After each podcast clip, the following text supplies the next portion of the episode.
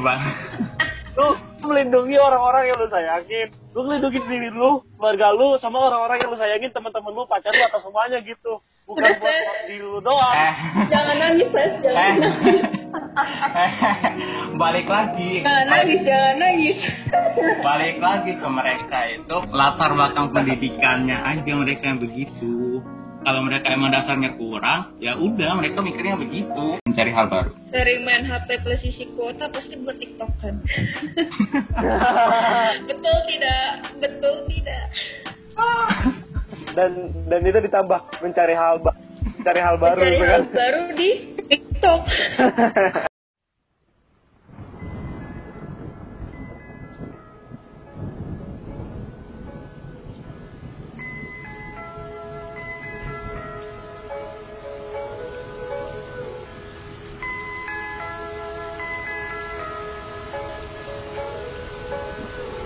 Halo semua, selamat datang kembali di podcast UKS bersama trio sambat andalan kalian semua. Ada gue Frankie. Goldises Dan gue Tata. Oke, udah episode pertama. Kira-kira kita hari ini mau bahas apa? Hmm, Yang lagi panas. tuh?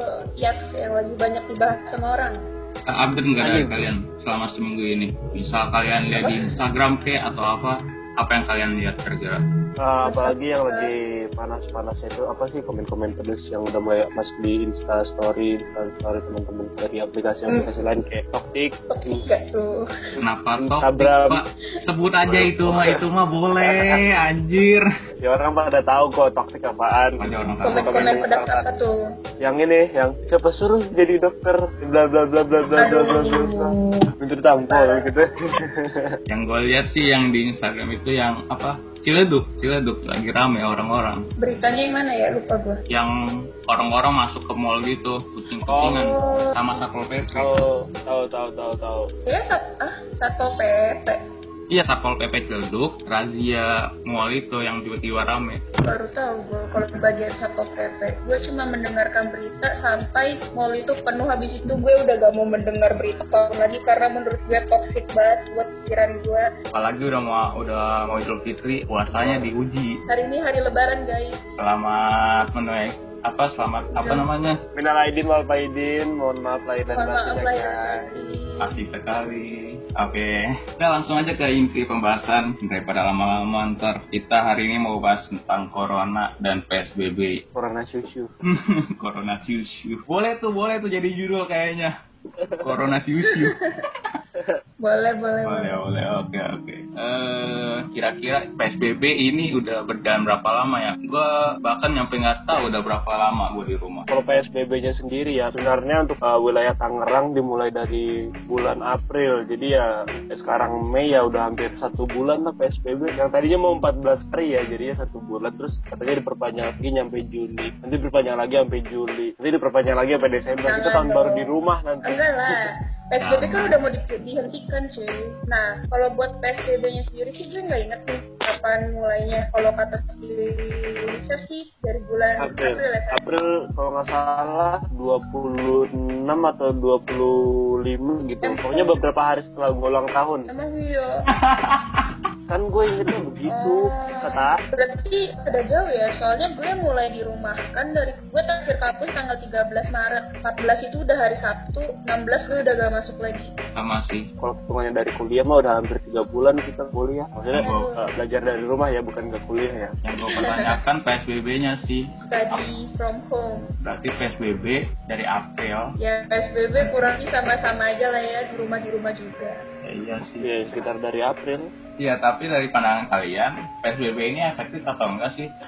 sebenarnya bagus ya cuman orang Indonesia masih ada yang batu-batu gitulah ya. Tapi ya gimana nggak bisa dilawan ya rakyat selalu benar gitu ya netizen maha benar. Negara 62. konsepnya sih oke-oke aja. Kalau dari konsep mah ya oke-oke aja cuma ya Indonesia kan di, bisa dibilang luas banget. Gak bisa lah pemerintah perhatian satu-satu. Harus balik lagi ke diri kita masing-masing sih Iya sih. cuman ini eh, ada preferensi yang paling bagus banget ya kan lu bilang Indonesia ter- eh, luas banget ada salah satu wilayah di wilayah Indonesia paling timur itu bener-bener PSBB-nya bener-bener ketat banget. Orang bo- diperbolehkan keluar dari jam 6 sampai jam 2 siang. Jam, setelah dari jam 2 siang itu nggak dibolehin keluar. Kalau masih misalnya masih ada yang keluar lewat dari jam 2 siang itu mereka nggak dibolehin pulang selama 3 hari atau berapa hari setelahnya gitu. Jadi bener-bener uh, ketat banget sih di Indonesia Timur sana. Bener-bener tegas. Gimana ya?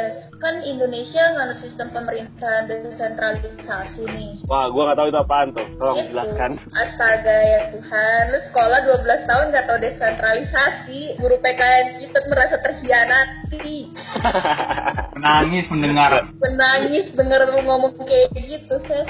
gua lupa, bukan nggak tahu. Jadi harusnya dengan sistem desentralisasi di sini tuh pemerintah daerah kita harusnya bisa gercep lah istilahnya ya nggak sih? Harusnya bisa, cuman gerak pemerintahnya aja sih yang menurut gua lelet gitu, nggak tegas gitu. Sebenarnya gue di sini nggak bisa menyalahkan murni di, di pemerintahannya doang. Hah, gimana ya? Jujur sih Indonesia belum siap menghadapi pandemi karena pertama pendidikan di Indonesia tuh belum merata. Jadi tingkat pemahaman seseorang apa suatu musibah atau wabah nggak tersampaikan ke pikiran mereka masing-masing gitu loh. Jadi kayak daya tangkap, Jadi- daya tangkap dari manusia di Indonesia kayak masih kurang Iya. gitu ya. Sedih emang. Terus gue barusan ngecek di akun Instagram tentang Tangerang gitu. Di sini Wakil Presiden Maruf Amin menyampaikan permohonan maafnya karena wabah belum hilang di Indonesia. Ini dia bilang untuk menghilangkan ini bukan sesuatu yang mudah karena Indonesia ini selain corona juga merupakan virus yang sulit dihadapi. Kita bangsa Indonesia itu memiliki jumlah penduduk yang besar dibanding negara-negara ASEAN lainnya dan wilayah kita juga sangat luas dari Sabang sampai Merauke ini juga kesulitan tersendiri. Ya gue setuju sih Ya, sama statement yang dibilang sama Iya. Amin ini. Kurang lebih setuju. Berarti PSBB udah berjalan selama satu bulan dan total kalian dirumahkan itu udah berapa lama? Tiga bulan. Gue sendiri sih dari tanggal 12. 12 Maret ya? Atau apa? 12 Maret gue udah selesai. Tau gue lu pada yang di Serpong dari Maret 12 Maret serentak dah itu tanggal-tanggalnya. Enggak, kalau gue 13 masih masuk cuy. Gue 12 karena mata kuliah gue terakhir tanggal 12 gitu. Kalau gue mata kuliah terakhir ta- tanggal 13 hari Jumat, jadi gue hari Jumat terakhir masuk. Paling keren gue dong. Apaan? Apa tuh? Baru beberapa minggu masuk kuliah langsung libur. Ya tuh lu masuknya kapan, liburnya kapan. Ya lu tiga bulan duluan libur. Terus ditambah lagi tiga bulan apa belajar dari rumah. Beh gila lu. Lanjut, Eh, semenjak ada pandemi ini apa yang berubah dalam hidup lu pada? jadi pada dasarnya karena gue mabuk rumahan, jadi gue nggak merasakan adanya perbedaan Wah pendek sekali. adanya. Gue kira gue jawabannya nggak mau ngerasa, gue nggak ngerasa ada yang beda-beda banget gitu selain ya perkuliahan gue jadinya secara online. Sisanya gue ngerasa ya Tapi meskipun dasar Oh, dari lu itu introvert, apakah lu tetap merasa nyaman begitu dengan kondisi seperti ini? Nih, kalau andaikan dari saat ini ya, karena gue emang pada dasarnya keluar rumah, jadi gue ngerasa kayak mau dunia luar kayak gimana pun gak bakal terlalu berdampak ke gue, kecuali secara ekonomi ya pasti dong. Cuma kalau untuk secara umum, gue nggak ngerasa yang berubah. Yang gue takutkan tuh bukan di masa sekarang sih, lebih ke masa depannya. Karena gue yakin sih nanti pas kita semester 3, meskipun wabah corona masih ada, misalkan, kita bakal tetap kuliah secara, ya kayak biasa, secara luring, temu tatap muka. Gue bukan takut sama corona sekarang, gue takut sama penjahat-penjahatnya ini. Kalau krisis ini ya, krisis keuangan lagi. gue takut di jalan tiba-tiba ada yang ngebegal lah, ada yang tiba-tiba narik tas gue lah, atau gimana. Nah makanya itu apa menurut gua PSBB dilonggarkan biar ekonomi kita itu nggak terlalu jatuh banget. Itu mungkin yang dipikirkan pemerintah sekarang. Ini loh PSBB harusnya sudah berhasil ya setelah dua minggu dijalankan itu cuma karena ada yang merasa mungkin corona itu bukan buah penyakit yang membahayakan bagi mereka jadinya mereka kayak menyepelekan wabah ini Masa masih menyepelekan gitu? Dia nggak apa nggak baca berita apa udah berapa ratus orang yang meninggal, berapa ribu orang juga yang udah kena positifnya gitu kan punya otak ya udah bisa mikir lah berarti ini bahaya gitu. ya gimana ya pola pikir orang kan kita nggak bisa nebak nih kita nggak tahu gimana cara dia memikirkan atau gimana cara dia nanggepin situasi sekarang ini Balik lagi sih ke pola pikirnya aja, pola pikir dari masyarakatnya masyarakatnya aja yang menurut gua masih kurang, masih dangkal mereka. Kasihan gitu presiden yang mikir berbagai macam cara gimana caranya benar-benar udah selesai pemerintah-pemerintah yang udah ngasih bantuan sosial gitu kan biar ekonominya nggak terlalu jatuh banget agak medis lah. Eh, Tapi ya- bantuan sosial. Eh, jangan bahas itu deh Eh, waktu itu jangan bahas terlalu dalam itu kayaknya sensitif banget sih. Oke. Ya intinya kan maksudnya ada ada usaha dari pemerintah untuk mengirimkan bantuan sosial. Masalah nyampe atau nggak nyampe nya itu kan ya. Eh, pinggirkan dulu pinggirkan dulu pikirkan dulu gitu ya kan? Maksud gue ya maksud gue ya intinya itu ya eh, udah banyak usaha pemerintah untuk benar-benar menghentikan iya sih. kita juga ya harus bisa berkontribusi dengan pemerintah gitu. Di sini tuh masalahnya penyakit ini nggak bisa atas kontribusi satu orang dua orang satu pihak. orang doang. Tapi harus bener-bener kontribusi satu negara dan itu selalu jadi masalah dari awal sampai sekarang. Ya kita tahu lu pada semua udah bosan di rumah gitu kita juga bosan di rumah cuman ya cari kegabutan kayak gitu kan di rumah ngapain kayak lu ngecat rumah ulang kan bisa gitu mereka keluar rumah bener-bener gara-gara gabut atau gara-gara Ya baik lagi sih, ada dua kepentingan kayaknya. Yang pertama mungkin mereka emang butuh buat beli sesuatu, atau yang kedua mereka bosan makanya mereka keluar. Karena mereka merasa ah nggak ngaruh ah ya udah keluar. Gitu mereka mungkin pola pikirnya. Ya pola pikir lu itu. Pola pikir lu itu harusnya ya pikir lu bosan di rumah ya. Dia. ya nggak berefektif. Tapi lu efektif gitu buat temen-temen lu lu efektif buat orang-orang yang sayangin gitu nggak kena juga kan. Ya, terus lu bisa pikir gitu semua gitu kan. Eh bang, lu melindungi orang-orang yang lu sayangin. Lu melindungi diri lu keluarga lu sama orang-orang yang lu sayangin teman-teman lu pacar lu atau semuanya gitu bukan Udah, buat diri lu doang. Eh, jangan nangis Mas eh, jangan nangis. Balik lagi. jangan nangis jangan nangis. Balik lagi ke mereka itu latar belakang pendidikannya aja mereka yang begitu. Kalau mereka emang dasarnya kurang ya udah mereka mikirnya begitu. Nggak bisa disalahin. Iya, gue gak, gua gak nyalahin gitu. Maksudnya ya kita mencapa, menyampaikan pola pikir kita gitu. Biar sama-sama kita satukan pola pikir kita. Oke oke buruan buruan buruan Indonesia. buruan Jul apa yang berubah dalam hidup lu semenjak ada pandemi ini Eh, menurut gue ya, eh, yang berubah, gue jadi fokus di main PUBG ya. Gue mau fokuskan karir gue. karir game online ya Enggak, enggak, enggak. Eh, jadi yang berubah menurut gue ya sama pastilah kita semua kita jadi lebih jaga kesehatan gitu jadi ya kita mementingkan seberapa penting mencuci tangan itu jadi kita lebih tangan gitu kan kita jadi lebih tahu seberapa penting sih kesehatan itu jadi pola makan kita juga semuanya dijaga banget dan kita jadi lebih menghargai setiap nafas yang kita punya sekarang Oke oke. Kalau dari gue sendiri, yang berubah dalam hidup gue sama adanya pandemi ini adalah nggak adanya pendapatan pak. Nggak ada pendapatan. Jadi kalau biasanya gue keluar rumah ke kampus pasti dapat duit jajan. Nah di masa pandemi ini gue nggak dapet. Jadi gue nggak bisa nabung. Gue nggak bisa. gue nggak bisa mendapatkan uang untuk gue masukkan ke celengan gue. Simpelnya begitu kalau dari. problematika uang jajan Iya pasti. Asal. Ya. lu duitnya dipakai buat apa pak? Ya, gue nabung pak. Jadi pendapatan gue masih ada. Laptop baru alhamdulillah. Alhamdulillah ya ya ya ya laptop baru. Semoga anda dapat laptop baru segera. Oke. Pertanyaan terakhir sebelum kita masuk ke segmen kedua. Kalau selesai pandemi ini hal pertama apa yang akan kalian lakukan? Coba dari ya udah dari dari siapa? Dari Ulysses ya udah khusus dulu. Nah, dari gua, gua pastinya bakal meluangkan waktu langsung dengan teman-teman gua, orang yang gua sayang, terus spend time banyak lah gitu setelah setelah berbulan-bulan gitu nggak keluar rumah. Tapi yang paling penting adalah gua nggak melakukan itu di hari pertama, bener-bener hari pertama pandemi selesai, tetapi beberapa hari setelah pandeminya selesai atau beberapa minggu. Karena kalau misalnya di hari pertama semua orang pasti bakal ngelakuin di hari pertama juga, jadi jumlah masyarakat atau tempat-tempat wisata atau mall atau segala macam itu bakal membludak banget. Eh, lu nggak bisa benar-benar spend time waktu, jadinya lu bakal pusing liat masyarakat yang numpuk gitu. Kan gue orangnya introvert ya, jadi liat orang banyak itu langsung pusing gitu gue. udah gitu aja Iya, Oke oke Ya, berarti. ya, itu, itu udah panjang ya, tolong itu udah panjang ya.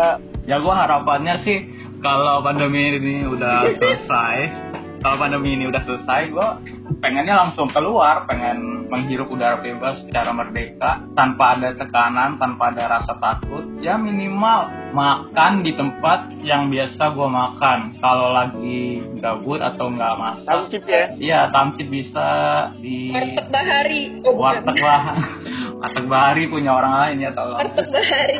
Warteg Bahari tempat gua itu. Oh, salah orang. tempatnya Ulysses bukan tempat gua Tamsit bisa di Cikes bisa pokoknya di mana pun yang biasa gua makan gua mau makan di situ lagi Pengen spend time di luar sama orang tersayang. Anjay. mantap Anjay.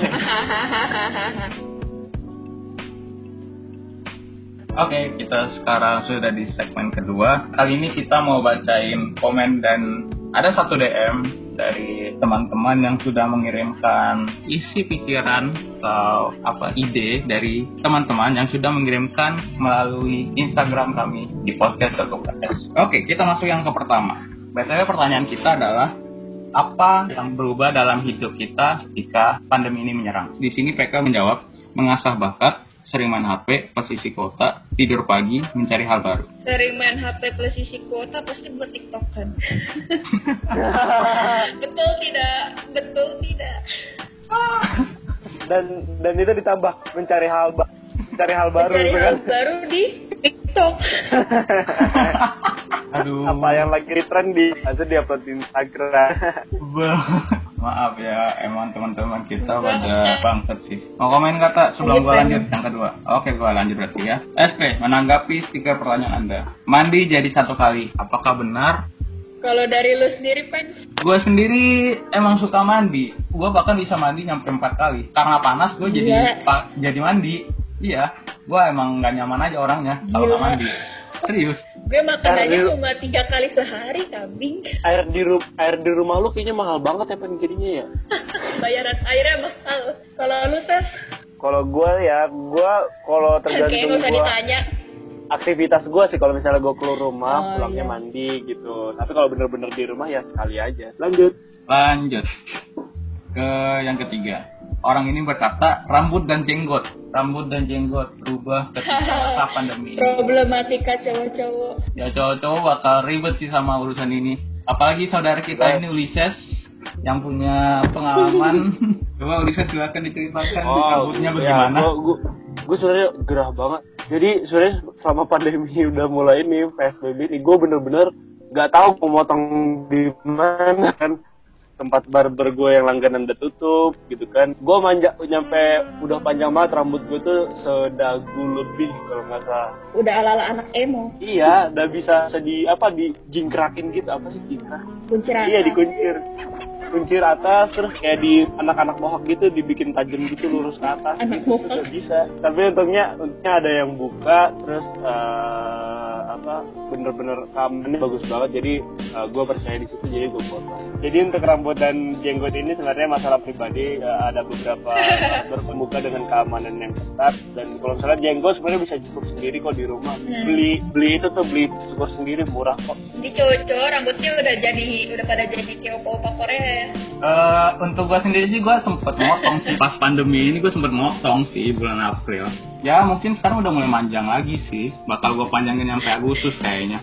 Enggak gue mikirnya gini loh buat para cowok-cowok kan cowok tuh rambutnya emang identiknya dengan rambut pendek nih kenapa nggak kalian botakin sekalian Kan kan juga panjang lagi Pengalaman, pengalaman, pengalaman. Teman gua cewek memutuskan untuk botak selama pandemi ini. Gila respect. serius ya Serius. wow aku mengapresiasi dirimu. Lu nggak Gila, berani banget. Gue pengen sih tapi gue masih belum berani buat botakin rambut Tinggal dilakuin aja itu. gue kalau botak gak mau gue gue trauma botak. Kan maksudnya gini loh kalau buat cowok ini kalau buat cowok nih ya kan kalian juga rumah aja nih selama satu bulan kan rambut kalian juga bakal tumbuh. Daripada nanti misalkan kita kan nggak tahu hashtag di rumah aja nih sampai kapan. Mendingan dibotakin gak sih? Gue trauma sama botak pokoknya gue gak mau botak lagi. Gue juga mikir emang pengen botak sih, cuman enggak lah kayaknya. Mending ada rambut. ya lanjut peng Sebelum pindah, sebelum pindah, gue mau kasih kabar aja tes. Nolo Kante, yang tadinya botak, sekarang jadi berambut pak. oh iya iya Jadi berambut, Pak, iya iya sumpah. iya dia berambut tuh pasti pemain bola Dia pemain bola asal Prancis. Yang udah kalau gitu skip skip udah lanjut ke jawaban selanjutnya Oke, eh eh sih menanggapi stiker pertanyaan Anda. Pandangan hidup. Wah, Apa yang berat berubah nih. pandangan hidup Berat. dalam masa pandemi ini? Coba Ustaz silakan. Ah, yang bisa menjawab ini orang yang benar-benar kenal banget ya yang Oh, iya, coba, betul. coba, coba. Siapa yang coba coba bapak Ulisas gue jawab gue jawab. Pandangan hidup ya. Mungkin ya yang kayak kita tadi kita jadi lebih sehat ini lebih menghargai lebih menghargai pas yang kita hirup. Oke. pandangan hidup sebenarnya seperti yang kurang lebih itu yang dimaksud. Dari kita lanjut lanjut. Lanjut ke selanjutnya. PA, menanggapi stiker pertanyaan Anda. Cara interaksi masyarakat yang biasanya ada jabat tangan atau peluk nggak bisa dilakukan. Ini gua setuju sih. Gua mau salaman aja kayaknya harus mikir-mikir dulu. ya ini sedih banget nggak bisa Ya, bisa kok fair bisa setelah pandemi tapi pakai ini pakai sarung tangan lo gandengan Pakai sarung tangan. daripada gue pakai buat gandengan sama orang doang mendingan buat pada para tenaga Ya, medis betul sumbangkan itu kepada tenaga medis tenaga medis lebih membutuhkan orang pacaran Jelek hadir. lanjut lanjut lanjut. Oke oke lanjut ya. Oke menanggapi stiker pertanyaan Anda. Magang dibatalin, graduation dijadikan online, UN dibatalin, dan nggak bisa ke mana-mana sekarang. Sedih sih. ini sedih sih kalau gue jadi mereka asli gue sedih banget karena pas gue SMA kelas 3 kemarin yang paling gue tunggu-tunggu adalah magang gue nggak tahu gue kalau gue beda ya gue kecewa magang apa karena gue nggak digaji ya pengalamannya itu sih yang gak bisa lu dapetin dengan gue gue maksudnya udah kerja nyampe malam ya magang nyampe malam per- pernah magang nyampe jam 11 jam 12 gitu ini ini nggak digaji enggak lu lu magangnya di mana Bioskop dia Oh. bioskop. bioskop kan lu dikasih kesempatan untuk memilih tempat Karena dia nggak ada kesempatan ditolak mulu dia. Sedih makanya. iya lu ditolak mulu sas bukan ditolak gue nggak tahu mau ke mana Nah itu salahnya berarti. Tapi tapi dari komentarnya si OT ini yang kau pertanyakan cara graduation online itu bagaimana ya? jadi graduation online ya kata Frankie kan gak, nggak ngerti ya. Tapi ini hal yang menyedihkan ya bagi gue kayak momen terakhir mereka buat ketemu teman-teman itu nggak ada. Kalau kita kan ada ya. Jadi kita momen terakhir kita sama guru sama teman kita itu ada. Iya.